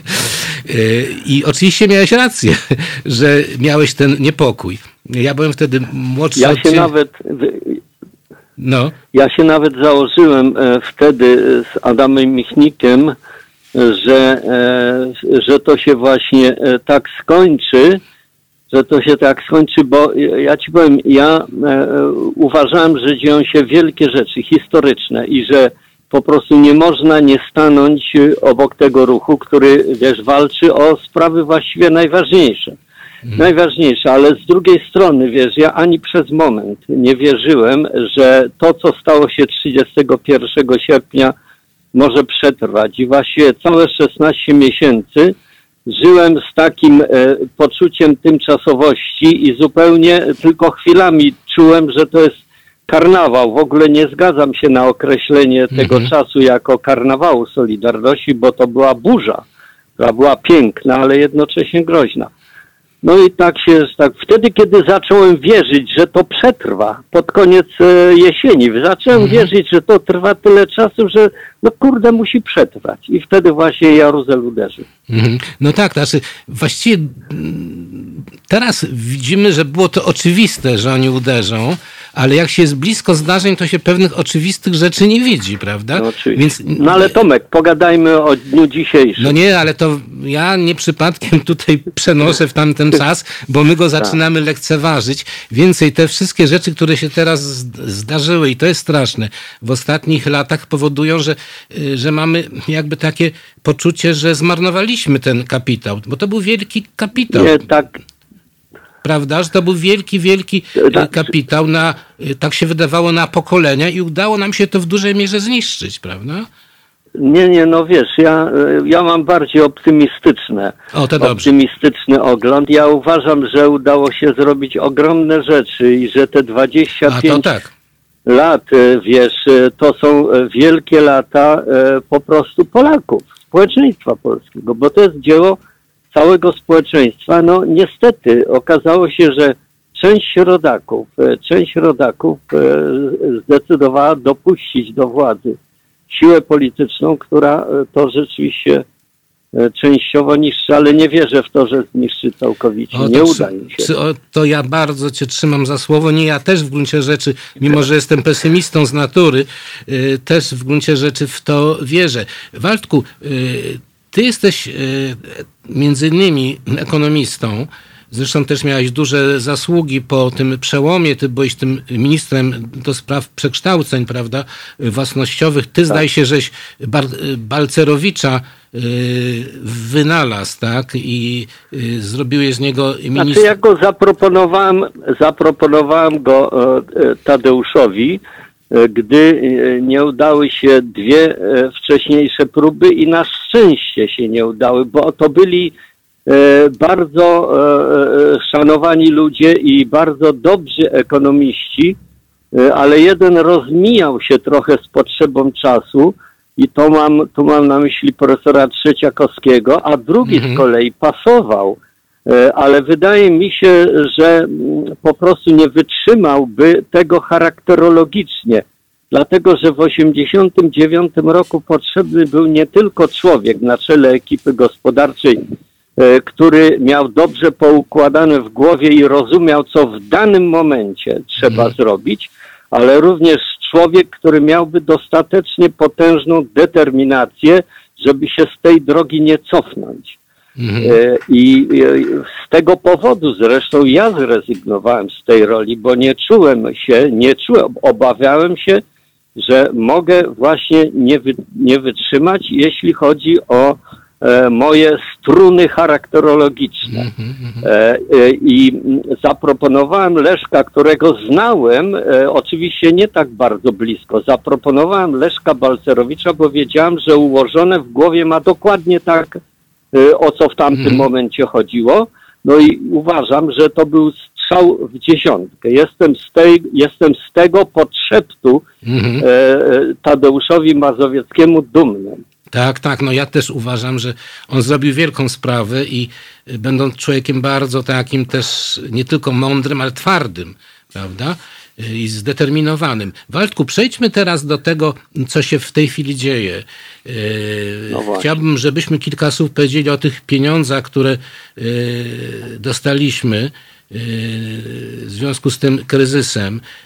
Czy ty uważasz, one są oczywiście y, obłożone no, pewnym warunkiem, którego to warunku nie chce przyznać y, nasz rząd. Zresztą mnie strasznie wzrusza, nie wiem, czy zauważył nowe y, pojęcie, które powstało, w ogóle PiS się specjalizuje w tym, tak zwana praworządność już nie mamy praworządności, mamy tak zwaną y, praworządność. Y, oni są specjalistami od tworzenia y, nowych pojęć. Powiedz, czy, czy jakie to stwarza szanse, to przyznanie tych dużych pieniędzy Polsce na to, że my z tego kryzysu, który się szykuje, wyjdziemy? Więc po pierwsze, jakie to są pieniądze? To jest 160 e, e, miliardów e, euro, 160 miliardów euro, w czym jest około 125 miliardów takich kwoty bezzwrotnej, bezzwrotnej dotacji i reszta to są, to są pożyczki.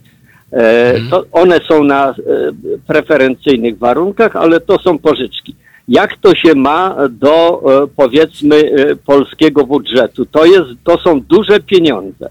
To są duże pieniądze, bo jeśli weźmiemy te samo 125 miliardów euro, to ono jest rozłożone na 7 lat, e, to to jest około 13% corocznego budżetu dodatkowych środków. Dodatkowych środków. Całość tych 160 prawie to jest 22-23% budżetu. Więc to jest bardzo dużo, tym bardziej, że to są pieniądze, e, które są generalnie funduszem rozwojowym. Tam są różne mhm. uwarunkowania i różne szufladki, ale generalnie to jest ta część pieniędzy, która może pójść na e, e, cele rozwojowe.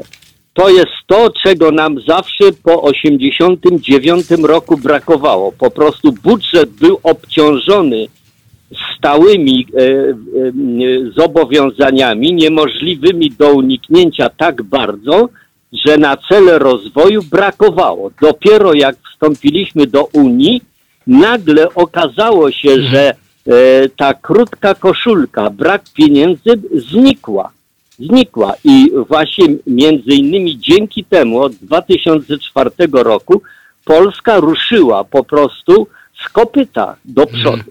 Więc to są pieniądze, to są pieniądze duże. E, e, czy, mm. e, czy one są gwarantowane?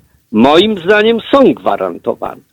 E, I powiem jeszcze jedno. Czy to są, czy to jest jakaś specjalnie wielka kwota, bo rząd się chwali, że to jest wyjątkowo wielka ilość pieniędzy, jaką dostaliśmy. Faktycznie to jest prawda, dlatego że oprócz budżetu Unii Europejskiej e, corocznego doszedł właśnie ten fundusz potężny, fundusz e, walki z koronawirusem. Więc to, że, je, że jest dużo więcej pieniędzy niż było, nie wynika w żadnym wypadku z tym, że Polska ma tak bardzo dobrą pozycję w Unii, tylko po prostu siłą rzeczy dostaliśmy, dostaliśmy więcej. Natomiast jeśli chodzi o sam budżet, o sam budżet dostaliśmy kilka procent mniej i to też nie wynika z jakichś sankcji w stosunku do Polski, tylko to wynika między innymi stąd, że zmieniono trochę preferencje i więcej pieniędzy dostały kraje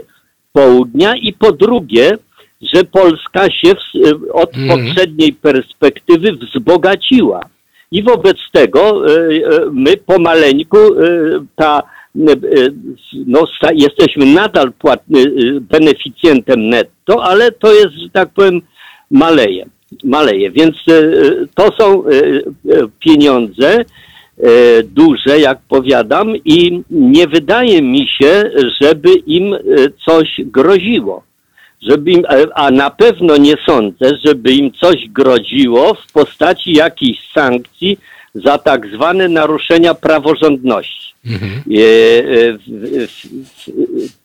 Te różne procedury unijne, Szczególnie, a szczególnie w takich sprawach e, jak praworządność, która na dobrą sprawę, na dobrą sprawę dla polityków unijnych nie jest tak e, koszmarnie pilnym problemem, jak są po prostu problemy e, e braku pieniędzy we własnych krajach na różne cele.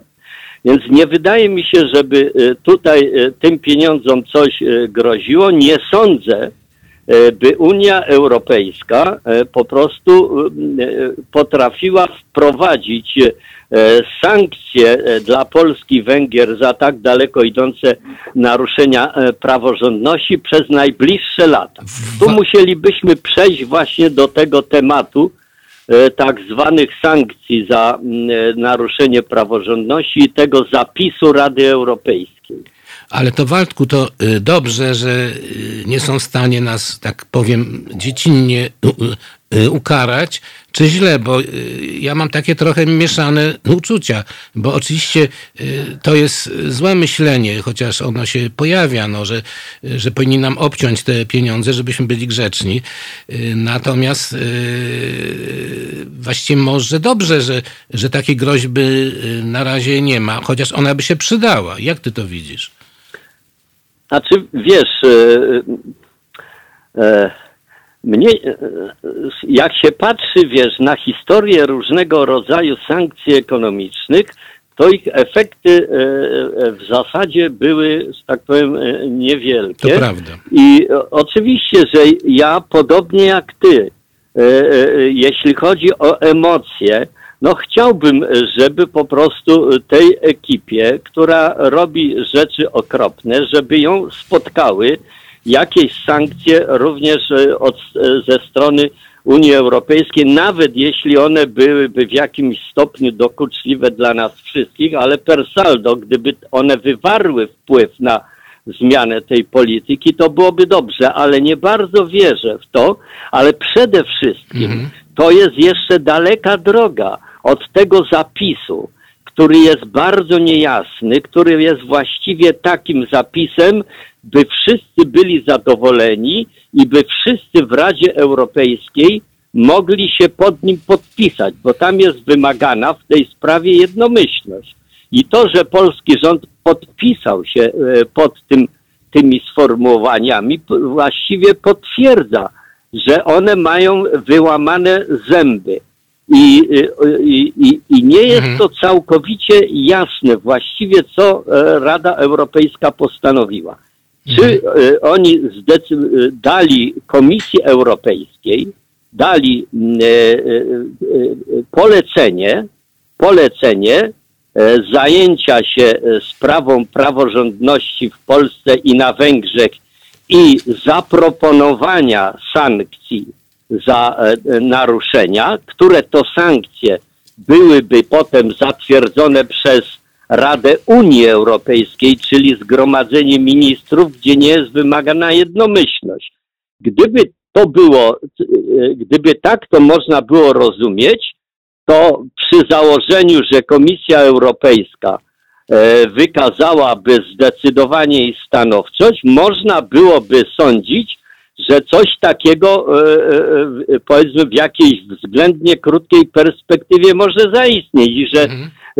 Polskę i Węgry to jakoś ugodzi, ale niewykluczone, że to jest polecenie dla Komisji Europejskiej, żeby ona przygotowała propozycję mhm. jak gdyby procedury wprowadzania takiej sankcji, ale wtedy nie wydaje mi się, żeby taką procedurę mhm. można było zatwierdzić e, przez, e, e, przez Radę Unii Europejskiej, czyli na poziomie ministrów, gdzie nie jest wymagana jednomyślność. Jednym słowem, ja nie wiem do mhm. końca mhm. właściwie o czym zdecydowano. Być może to się stanie jaśniejsze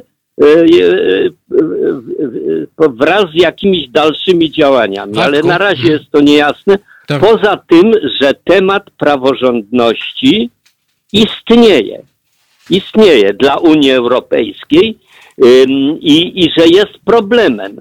Bo oczywiście jest z tym, że Unia Europejska jest kompletnie y, ciągle y, na taką sytuację nieprzygotowana, bo to jest sytuacja, mhm która e, twórcom Unii Europejskiej, czy twórcom Europejskiej Wspólnoty Węgla i Stali, a potem Europejskiej Wspólnoty Gospodarczej do głowy nie przychodziła, bo im do głowy nie mogło, nie przychodziło, no tak. że w tych krajach, które weszły do Unii Europejskiej początkowo, czyli w krajach zachodu Europy, po doświadczeniach e, II wojny światowej i hitleryzmu oraz komunizmu, mogą w ogóle narodzić się siły, które będą próbowały z powrotem wprowadzać do Europy elementy dyktatury.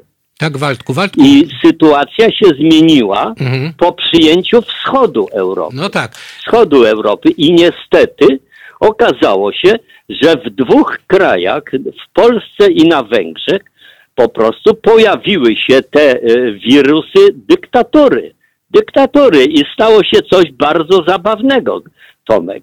Hmm. Kiedyś Stalin, Stalin mówił kiedyś, oczywiście to był pic na wodę, że Polacy nadają się do komunizmu jak krowa do siodła. Oczywiście on, e, wiesz, nie omieszkał tej krowie to siodło nałożyć. I trzymał to siodło przez, e, trwało to siodło przez 45 lat. Ale otóż okazało się, że po 25 latach demokracji część narodu, część narodu doszła do wniosku, że właściwie im demokracja pasuje tak, jak siodło do krowy. Że to Polakom, e, do, e, demo, przynajmniej części.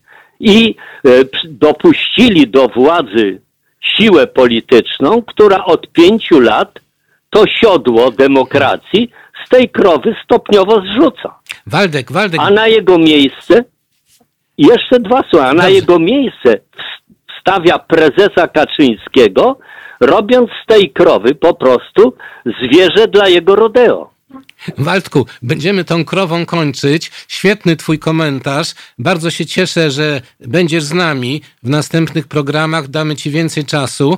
Yy, my, my jeszcze chwileczkę chcemy yy, porozmawiać o, yy, o seksuologiem, o seksie prezesa Kaczyńskiego, który się zajął seksem, to tak, żeby trochę odciążyć ten, ten temat, ale serdecznie Ci dziękuję i mam nadzieję, że się usłyszymy za tydzień. Pozdrawiam Cię bardzo serdecznie. Ja również, ja również i pozdrawiam również słuchaczy radia i zespół. Dziękujemy. A teraz posłuchamy Ken Loggins Footloose. To jest powtórka programu.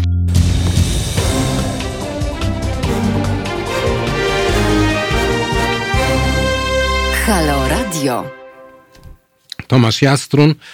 Moim głównym gościem dzisiaj jest y, Tomek Kozłowski, y, skoczek spadochronowy, psycholog, rekordzista Europy, skoku ze spadochronem ze stratosfery, ale też podkreślam psycholog, intelektualista, można powiedzieć. Także Tomek łączy w sobie różne skrajne, tak by się wydawało, cechy. Y, mieliśmy też y, w studio za pośrednictwem łączy Waldka Kuczyńskiego, mój kolega z czasów opozycyjnych. Wspaniała biografia i ogromne osiągnięcia i w ekonomii, i w polityce. Bardzo niezwykły człowiek, taki zajadły, ale w dobrym sensie tego słowa, pen pasji, płonący właściwie, tak można powiedzieć. Y, także bardzo się cieszę, że, że będzie naszym stałym rozmówcą w tych programach. Y, będzie mówił o ekonomii, ale nie tylko. On właśnie jest w stanie mówić o wszystkim.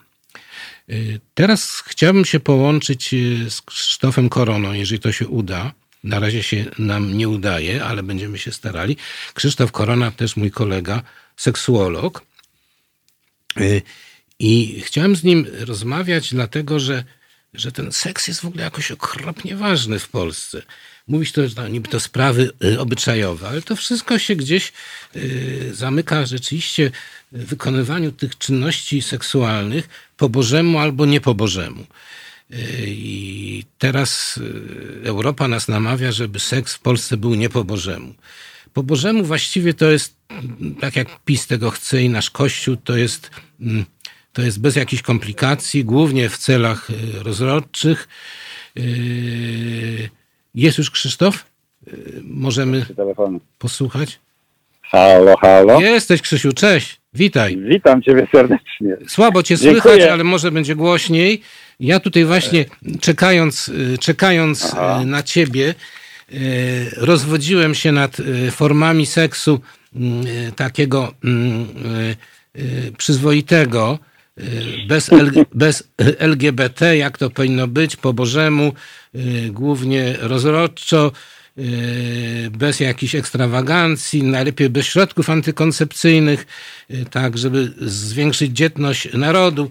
No w każdym razie yy, takie te, te, tendencje gdzieś wyczuwałem, już nie mówię o tych, o tych gejach strasznych i lesbijkach, to wiadomo, że to jest zbrodnia moralna.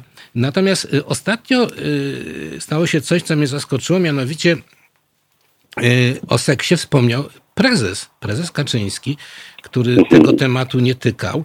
W związku z tym, że on się wypowiedział na temat w ogóle naszej cywilizacji, która według niego jest zabójcza i niemoralna i y, tworzona przez szaleńca, y, która niszczy podstawy y, moralne, zabiera sens życia, uzwieczęca nas.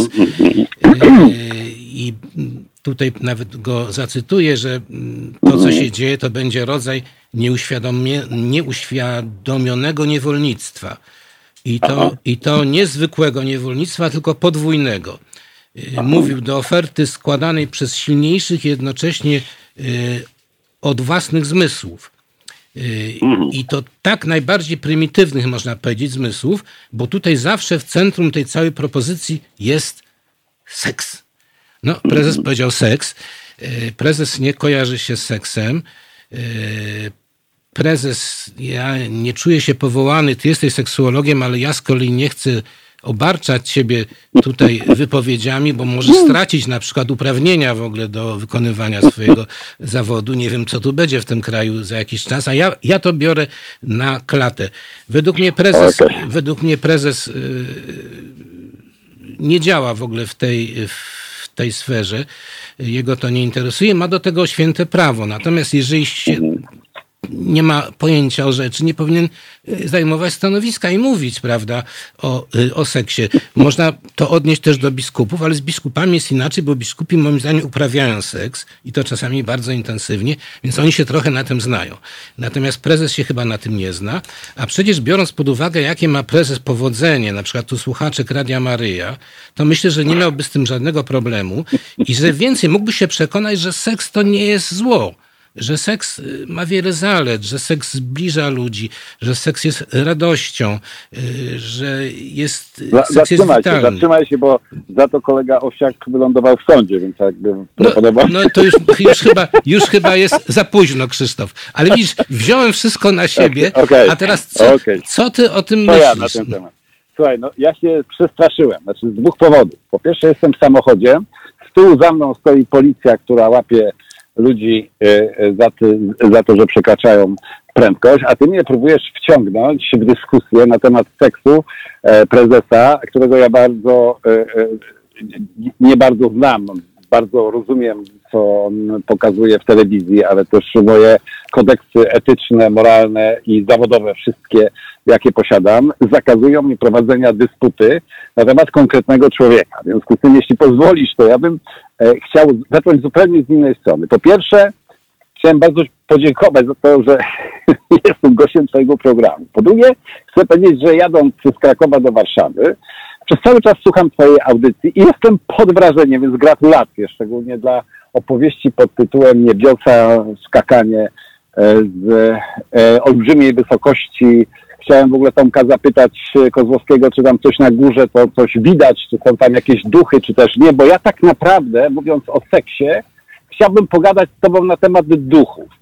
I to jest zaskakujące w ogóle. Ty prosisz mnie o to, żebym ja rozmawiał z Tobą na temat e, kwestii związanych e, z wypowiedziami prezesa. Natomiast ja bym chciał e, od innej strony zacząć. Nie, Do słuchaj, kogo? Krzysztof, ja o prezesie no. już wszystko powiedziałem. No, więcej okay, się nie dobra, da. Prezes dobra. jest zamknięty.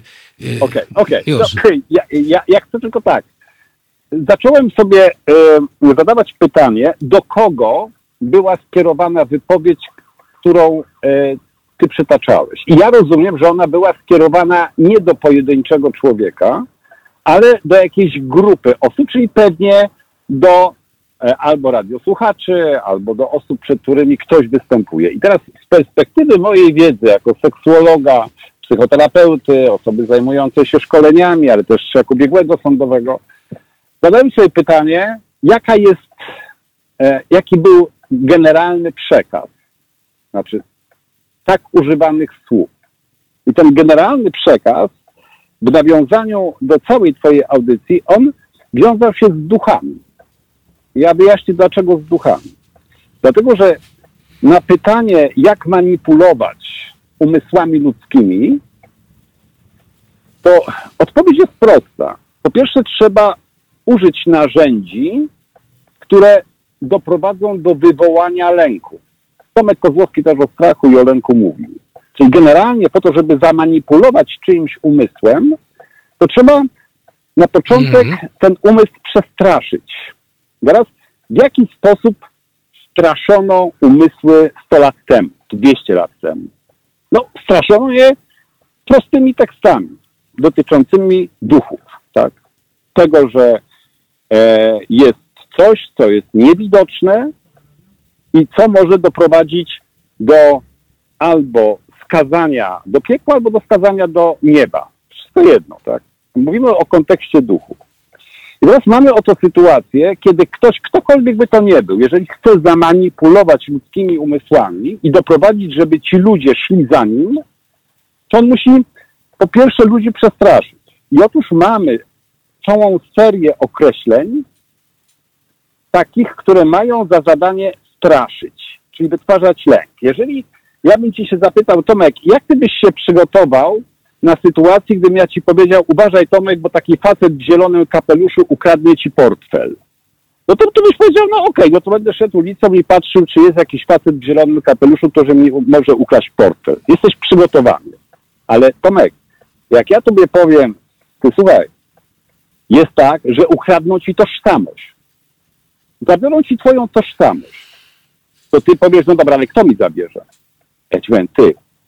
No szaleniec. A kto to jest szaleniec? Ja ci powiem, ty. Wiesz, szaleniec to to jest taki duch. To jest coś, co funkcjonuje i co może doprowadzić do sytuacji, że generalnie zabiorą ci tożsamość, dalej zrobią ci coś, co doprowadzi ciebie i twoich najbliższych do dewastacji całej twojej e, tradycyjnej struktury społecznej, w jakiej funkcjonuje. Znaczy, Zostanie to zniszczone.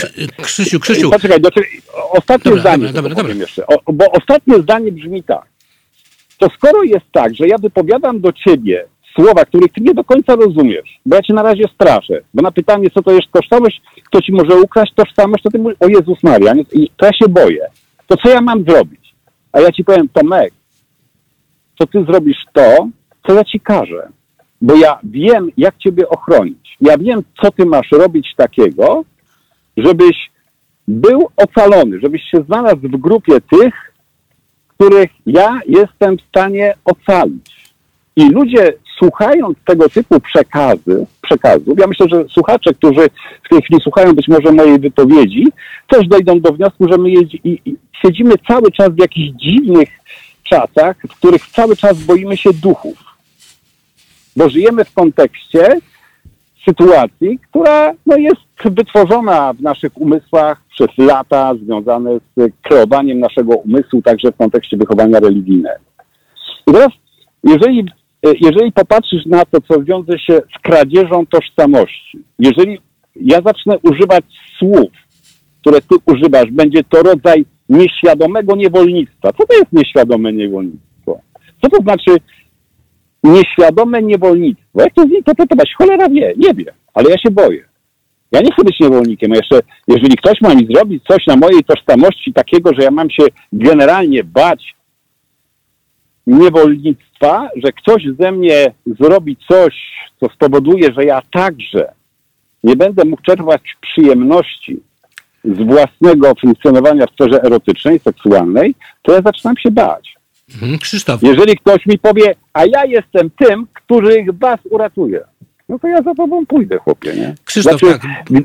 Daj mi Więc dojść dlatego ja, ostatnie, ostatnie słowo. Dlatego całą, czy to będzie taki człowiek, czy to będzie prezes, dyrektor, nie wiem, pan Iksiński, Kowalski, który dostanie do ręki władzę, tak, i zacznie takimi tekstami posługiwać się wobec ludzi, którzy przestają go rozumieć, ale rozumieją, że on ma władzę, no to on będzie sterował ich umysłami, tak, bez względu na to, jaki temat będzie mówił. No i I właśnie, tyle. i właśnie prezes, i właśnie prezes próbuje tak sterować umysłami, bo ty żeś w dużej mierze cytował takie fragmenty jego wypowiedzi. Tutaj słuchacze tego w pełni nie usłyszeli, bo ja tego nie zdążyłem przeczytać, ale to właśnie to, co mówił Krzysztof, y, odnosi się do słów y, Kaczyńskiego. To budzenie lęku, że nam ukradną tożsamość. To właśnie to się dzieje. Mamy polską tożsamość, yy, bardzo piękną, chociaż z pewnymi wadami, ale bardzo piękną. Europa próbuje nam narzucić inną y, tożsamość, która jest tożsamością niemoralną, opartą na, tylko na przyjemności i centrum tej y, tożsamości to jest seks bez kontroli, seks lubieżny, seks y, uprawiany zbyt często, seks uprawiany między y, tą samą płcią.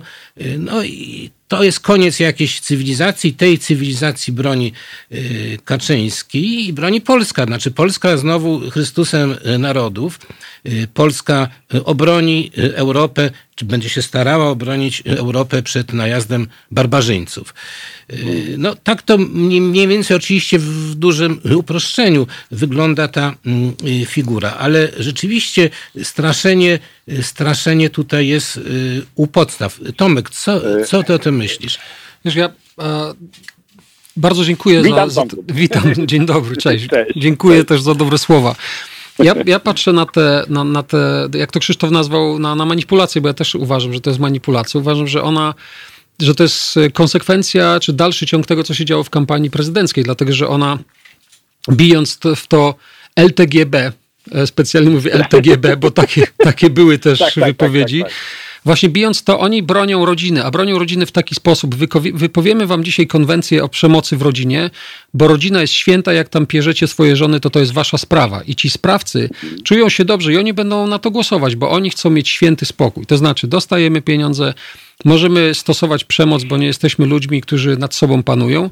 I myślę, że to jest dalszy ciąg tego wszystkiego, tylko to jest tak, jak Krzysztof powiedział, bardzo subtelnie wdrażane w tym, tym ludziom, którzy nie są w stanie obronić się przed manipulacją. A jak się im podaje wroga, który jest systemowy, niewidoczny, trudny do zdefiniowania, to takiego czegoś się boimy. Bo jak zadałeś mi pytanie, co będzie tam na górze, jakie tam będą duchy, to ja chcę zobaczyć tam Ziemię z perspektywy planety. Chcę zrozumieć, że to wszystko, co się dzisiaj dzieje z naszą planetą, ma ograniczony, jest na ograniczonej przestrzeni. I o to mi chodzi właśnie, żeby to, ja to wiem, ja to czuję, ale ja chcę mieć jeszcze na to taki właśnie empiryczny dowód. Chcę, chcę to zobaczyć i, i po to też tam lecę, jeżeli chodzi o taki, taką moją korzyść. I myślę, że właśnie ci ludzie tego nie mają. Oni tego nie widzą na stole, tak jak można to zobaczyć z takiej Tak, wysokości. Tak. Drodzy Tak. przyjaciele, będziemy y, pomału kończyć, chociaż Okej. może szkoda, bo dużo jest ciekawych tematów. Ja chciałem tylko jeszcze y, podziękować y, moim słuchaczom, oczywiście okazuje się, że oni już są, którzy mi zrobili prezent, wręczyli mi y, czekoladki z napisem Witold Harłamp. To był mój pseudonim w kulturze paryskiej przed laty, kiedy pisywałem teksty, czyli są jeszcze czytelnicy sprzed kilkunastu lat, a w środku jest właśnie cytat La- Las Bir nam ruszył z mojego felietonu y, ze Stoczni Gdańskiej. Także właśnie bardzo miło te y, czekoladki Gratulacje. zjem bardzo szybko, bo mam słabość do słodyczy, szczególnie tak serdecznie mi przekazywanych. Y, Proszę Państwa, to był mój pierwszy program debiutancki. Mam nadzieję, że, Gratulacje. że nie nawaliłem, że wszystko było dobrze, miałem, ale tu miałem niezwykłych gości.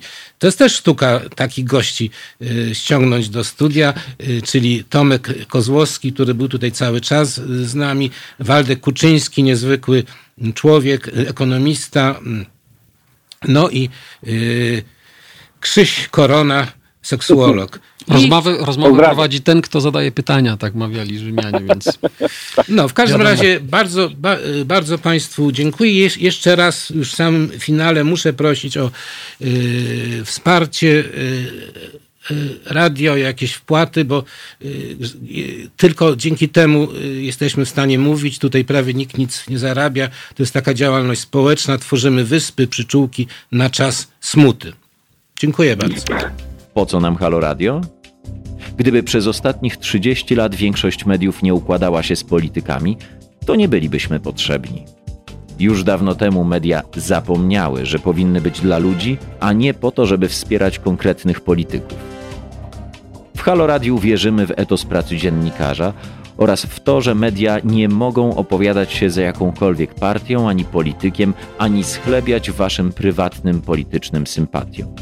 Jesteśmy od tego, żeby patrzeć politykom na ręce. Każde odpowiedzialne medium powinno mówić o politykach wyłącznie wtedy, gdy sprzeniewierzają się zasadom współżycia społecznego, prawom obywatelskim czy demokracji. Jeśli polityk pracuje dobrze, to nie mówimy o nim, bo przecież robi dokładnie to, czego od niego oczekujemy, za co mu płacimy.